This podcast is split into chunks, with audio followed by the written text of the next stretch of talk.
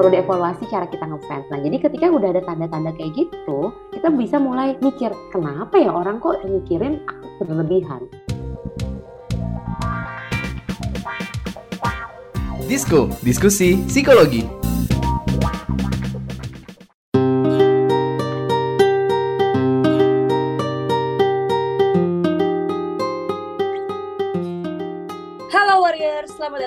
Di podcast Disko, diskusi psikologi persembahan kantor berita radio KBR bareng komunitas Into the Light Indonesia. Hapus stigma, peduli sesama, sayangi jiwa.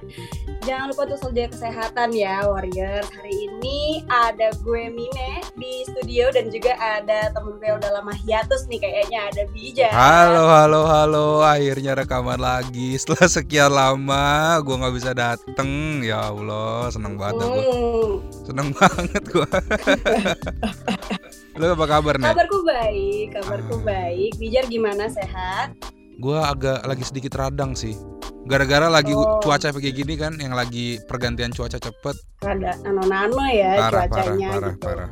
Nah, kadang-kadang nih Bijar, yang bikin nano-nano tuh nggak cuma cuaca menurut gue ya. Hmm, Yang hmm. bikin nano-nano tuh juga kadang-kadang eh, berita-berita di sosmed gitu ya. Mhm. Dari yang bikin seneng sampai yang bikin stres. Tapi yang bikin seneng kan juga banyak ya. Banyak, Contohnya banyak, banyak. berita update dari selebriti yang emang gue ngefans banget Nah, gitu. iya, iya, iya, Nah, iya. Setuju gue, itu kan jadi gue. sumber kebahagiaan ya kalau misalnya nggak tahu sih eh, lu deh misalnya gue tanya Hmm. lu paling ngefans sama siapa sih Jar? Gue mungkin bukan ke perseorangan ya, mungkin lebih ke bandnya mungkin. Oke siapa? kayak bandnya gue tuh suka banget Bring Me The Horizon gitu oh, gitulah BMTH. Iya iya ya. Jadi kayak Oke. kayak ketika gue denger kabar dari mereka tuh kayak mau ngelakuin tour atau bikin karya baru tuh seneng di gue kayak wah akhirnya nih ada sesuatu yang bisa gue nantikan lagi nih setelah sekian lama gitu. Setuju. Jadi tuh kayak motivasi kita untuk menjalani hari-hari ya Iya, kalau iya, iya. update-nya lagi membahagiakan Nah gitu. iya iya Nah, iya. Ya nggak sih? Nah kalau gue, gue ngefans banget sama Maroon 5 dan Hmm. juga kan Wah lagi rame ya. dong, Oh, lagi rame. Nah itu dia bicar si bapak Adam yang terganteng ini ternyata update lagi nggak enak Lagi nggak gitu enak. kan. Nah itu kan jadi membuat gue jadi agak ketar-ketir Bener, gitu bener, ya. Aduh bener. masku kenapa ini Tapi- gitu kan. Jadi, hmm, Tapi lu kalau misalnya ketika lu ngefans sama seseorang tuh lu bakal yang kayak edik banget gitu nggak sih kayak memuja-muja kayak kayak contohnya kasus sekarang lu bakal belain mati-matian atau lu bisa berada di pihak netral gimana tuh nek? Ini gue jujur ya. Iya, kalau iya, lo iya. nanya ini ke gue waktu gue umur 13 tahun, eh, jawabannya gue akan membela sampai gue mati gitu. Iya iya Kayak iya iya iya. Di kamar gue tuh poster kayak eh, di binder eh, buku gue tuh di wallpaper HP gue. Kalau perlu Hmm, hmm, alarm hmm. HP gue juga suaranya Adam Levine gitu ya. Hmm, hmm. Menjijikan tapi gue bangga pada masanya. tapi kalau sekarang ya ya udahlah ya gitu kan udah bisa lebih netral gitu. Tapi Hmm? iya menjawab pertanyaan lo gue pernah di fase seperti Ah. itu nah lo gimana nih dengan BMTH jangan-jangan lo Hmm? juga tipe yang kayak tindikannya sama tatonya juga sama Enggak enggak, tapi gue ketika ngefans sama uh, public figure gitu atau se- seorang musisi atau siapa pun artis atau pemain film, aktor, gue nggak pernah yang sampai se ngefans membela itu sih. Kayak ya udah gue Hmm. gua gua menikmati karyanya, tapi Mm-mm. gue nggak mau masuk sampai kehidupan pribadinya mereka. Hmm, Cukup iya, cukup iya, di iya. karyanya aja. Gue gue udah bisa gue bisa sampai di tahap itu ya. Gak tau mungkin kalau misalnya kayak dulu-dulu kayak masih SMP mungkin sama kayak lo lebih kayak orang lain bilang karya jelek kayak apaan dah lo kayak gitulah. Gue kalau sekarang gue masih itu. keras gitu ya Tapi kan maksudnya iya. di sekitar kita banyak gitu orang-orang yang emang membela ngefans sama artis sama mati-matian.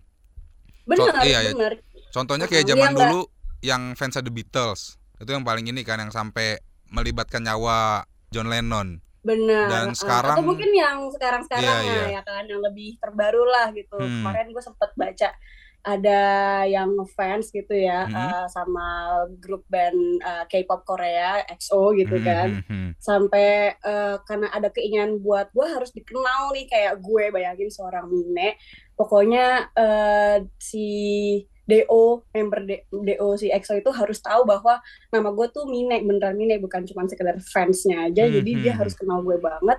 So I have to do anything yang bikin gue memorable gitu. Tapi Ah. memorable-nya nggak cuma yang manis-manis sampai yang ekstrim-ekstrim kayak ditampar lah member EXO-nya gitu Nah, kan. ya gue nggak ngikutin Hmm. K-pop sih, cuman menurut gue pembahasan ini menarik ketika pemujaan yang terlalu berlebihan gitu. Gue juga baru tahu gitu ada yang namanya celebrity worship.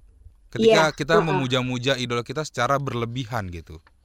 Mm-mm. Tapi lu Ya pernah denger itu nih? udah berlebihan gitu Iya, ya, iya. worship gitu ya. Hmm, hmm. Heeh, ya udah kayak udah kayak Tuhannya gitu. Nah, Nah, daripada kita ngobrol berdua aja, apalagi kita gue sudah tobat ya, dan lu juga bukan tipe yang sampai segitunya. Mending kita ngobrol bertiga gitu kan ya. Di mana di sini kita bakalan ngobrolin tentang celebrity worship syndrome dan kita bakal ngebahas bareng sama Kak Ica. Coba disapa dulu Kak Ica. halo Kak Hai. Ica. Hai, halo Mine, halo Bisa. Halo, halo. Halo teman-teman. Habis ini kita tanya ke Kak Ica ya, Kak Ica udah pernah Iya, belum iya, nih iya. punya pengalaman worshipping celebrity? It's okay Kak, ini Iya. safe space kita mau judge ya. Kita di sini ngobrol- tapi didengar semua orang ya. iya bener sih, jadi terserah mereka mau ngejudge atau enggak gitu. ya.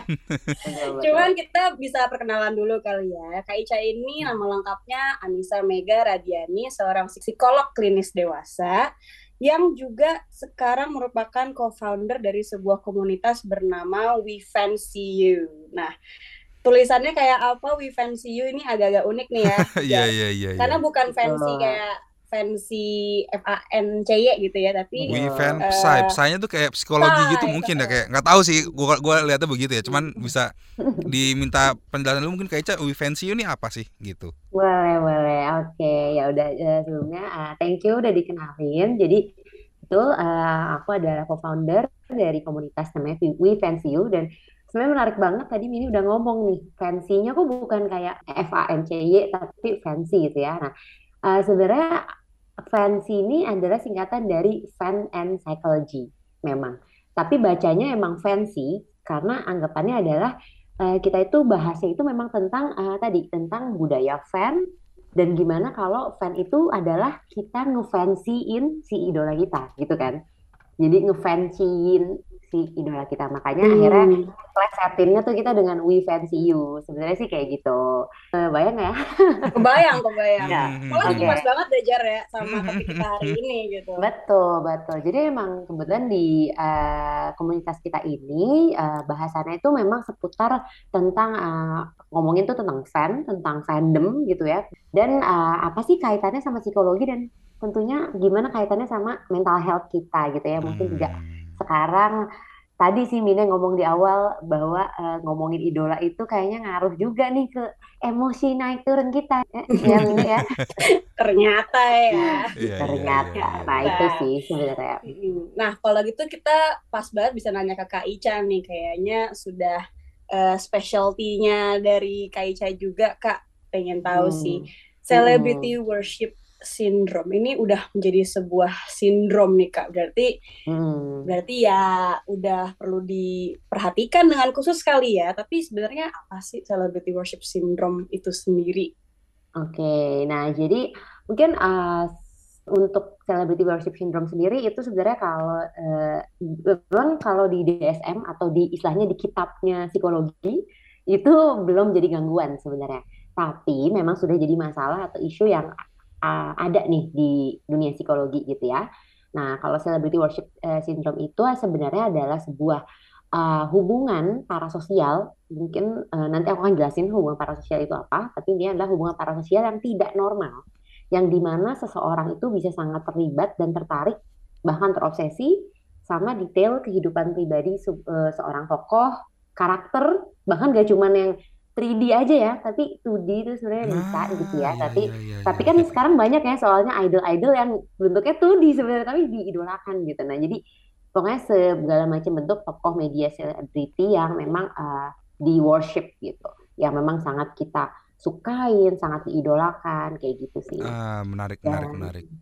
Tapi Mm-mm. eh, Kak Ica, kenapa sih seseorang ini bisa ngefans sampai segitunya gitu, bahkan sampai mengalami celebrity worship syndrome ini tuh kayak ada penyebabnya nggak sih? Nah, mungkin uh, tadi menarik banget uh, pembicaraan dari uh, Bijar sama Mine yang ngomong bahwa dulu pas SMP, dulu dulu sih gitu ya. Jadi tuh memang benar banget bahwa uh, fenomena tentang fan atau tentang celebrity worship ini tuh biasanya dialami oleh remaja gitu ya. Jadi usia usia remaja, usia mungkin sekitar 12, umur 12 sampai 18 tahun gitu, uh, di mana kita tuh lagi seneng, lagi suka-sukanya sama mungkin idola saat itu gitu. Tapi sebenarnya kalau ngomongin suka di usia remaja itu kan juga kita baru mengenal cinta ya, ya nggak sih?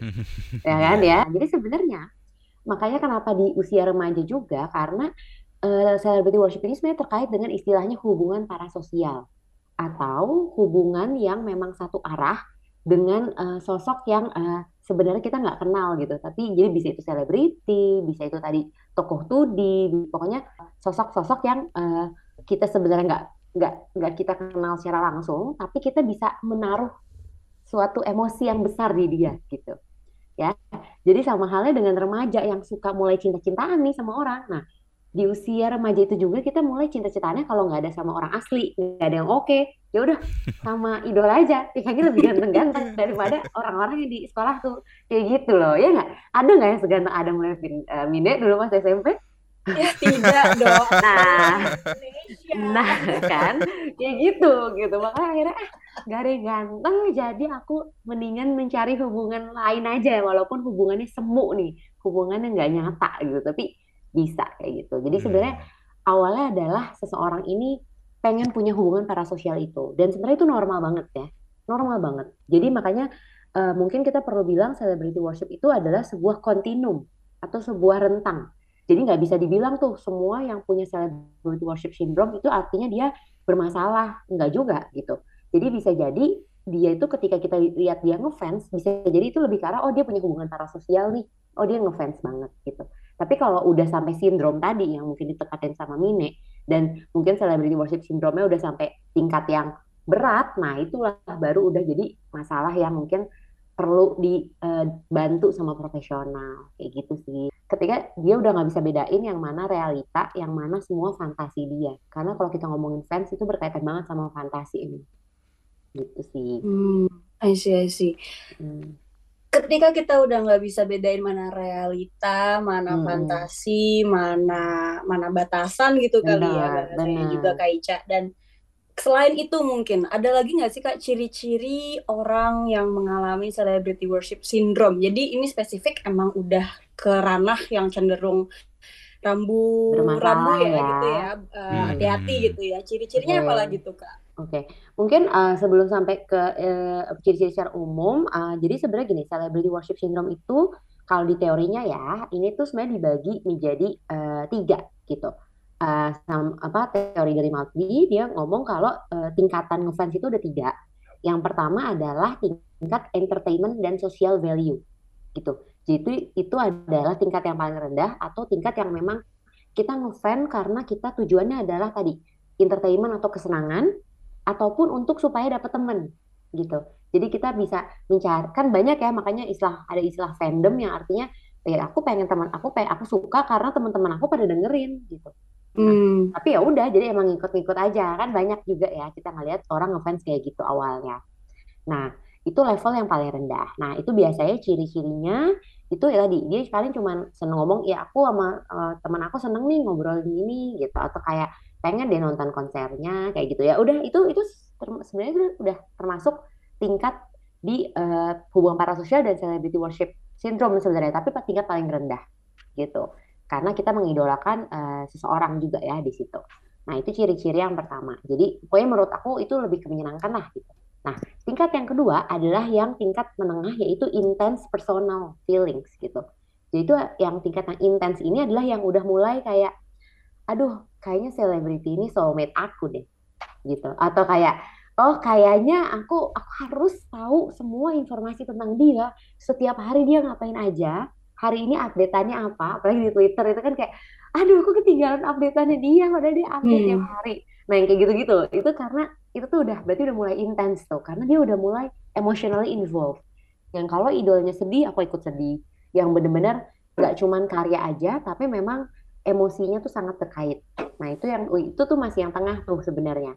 Jadi uh, apa merasa bahwa si idola ini sebagai uh, sosok yang emang berarti buat kita, tapi ya udah di situ. Nah, yang ketiga itu yang ekstrim atau yang paling yang paling emang uh, udah udah bermasalah. Itu adalah namanya borderline patologis gitu. Jadi istilahnya aja udah patologis ya atau artinya udah mengganggu. Nah, berarti ini adalah uh, kalau kita ngefans udah bener-bener nggak bisa tadi bedain realita sama kenyataan dan sudah fokusnya cuman dia aja dan merasa bahwa kalau nggak sama dia aku nggak akan mau sama orang lain misalnya. Atau kalau misalnya kita di Korea kita suka ngestalk gitu. Atau kalau misalnya di sini lah nggak usah nyampe nyampe Korea. Mungkin di Indonesia sendiri gitu ya. Mm-hmm. fans yang sampai misalnya ngejar-ngejarnya tuh sampai ke rumahnya atau sampai misalnya uh, kayak uh, ketahuan nih dia pacaran gitu ya misalnya oh langsung pokoknya ngancem-ngancem si pacarnya lah kayak gitu nah itu tuh yang udah sampai merasa uh, apa si idola ini adalah miliknya dia terus berani melakukan hal-hal yang bermasalah demi si idola nah itu artinya udah borderline patologis gitu sih hmm. Hmm. berarti dulu bijar BMTH level 1 lo jar. Nah, nah kalau dulu berarti ini level 2 gitu kan? Gue waktu gua, gua waktu kelas 3 SMP Avenged Sevenfold konser jam 8 gue dateng jam 8 pagi. Konser jam 8 malam aduh. Nggak jadi lagi 2012 aduh aduh. Well tapi seru banget nih obrolan kita kali ini tapi sebelum kita berlanjut kita bakal ada break dulu jadi jangan ke mana-mana warriors Disko, diskusi psikologi. Oke Google, cariin apa yang lagi trending sekarang dong. Yang lagi viral, yang lagi hits. Aduh, kamu ini tahunya cuma nyur doang. Lah, dia Aku bilangin Siri nih. Ya sudah-sudah jangan ngambek dong. Kamu cukup buka KBR Prime titik ide, lalu cari what's trending. Semua dibahas tuntas dengan narasumber yang kredibel, jadi bisa buat referensi kamu. Wah iya nih, keren banget ya. Setiap hari lagi. Betul, dari Senin sampai Jumat. Jangan lupa hanya di KBR Prime titik ide atau di aplikasi podcast lain lainnya. Makasih ya Mbah Google. Hei kamu ini, saya masih gadis, kenapa dipanggil Mbah? KBR Prime, podcast for curious mind. Come on yo, buat yang sukanya berhoax, you better listen to this one. Check this one out yo. Hati-hati kalau baca kabar hoax. Jangan langsung disebar kabar yang hoax. Kalau mau tahu kabar benar atau hoax, dengerin cek fakta yang pasti bukan hoax. Dengerinnya setiap Senin yang jelas bukan hoax. Cuma ada di kbrprime.id dan aplikasi podcast lainnya. Hoax. Sudah cukup-cukup hoaxnya? Hoax. Cukup. Jaga emosi, tahan jari, verifikasi sebelum dibagi. Saya Aribo Sasmito, Ketua Komite Pemeriksa Fakta Mafindo. KBR Prime, podcast for curious mind. Disko, diskusi psikologi. We are back Warriors, kita bakal lanjutin lagi obrolan seputar celebrity worship masih bareng gue Bijar, Mine dan juga pastinya Kaica. Uh, nah Kaica, apa aja sih dampak negatif dari celebrity worship syndrome ini? Mungkin kalau yang kelihatan jelas adalah buat gue ya, hmm. satu buang-buang uang pasti.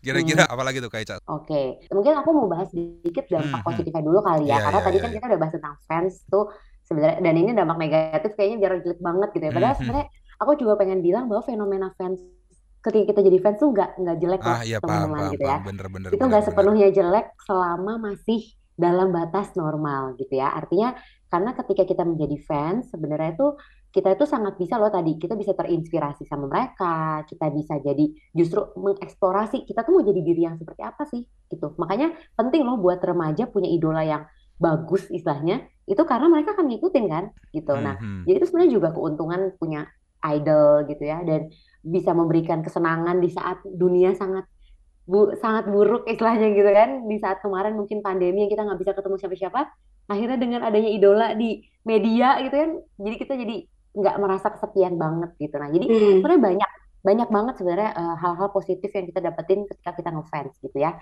Asal tadi mungkin masih di dalam level satu atau mungkin dua tapi yang dua tengah lah ya hmm. gitu. Nah tapi benar banget juga bahwa banyak banget juga dampak negatifnya kalau misalnya nggak dikelola dengan baik gitu. Tadi abisnya udah ngomong salah satunya adalah uang ya, Hmm, ngabisin hmm. duit itu benar banget. Tapi sebenarnya ini juga dua nih. Eh, jadi orang tuh jadi fans itu bisa juga jadi ngabisin duit, tapi bisa juga justru nyari duit. Benar, Jadi benar, pernah dengar gak sih benar. banyak fans yang nipu-nipu gitu ya. Jadi ya itu di satu sisi Iya, iya, sebenarnya iya. itu bisa dua-duanya ya, tapi memang itu bisa dampak negatifnya sih benar.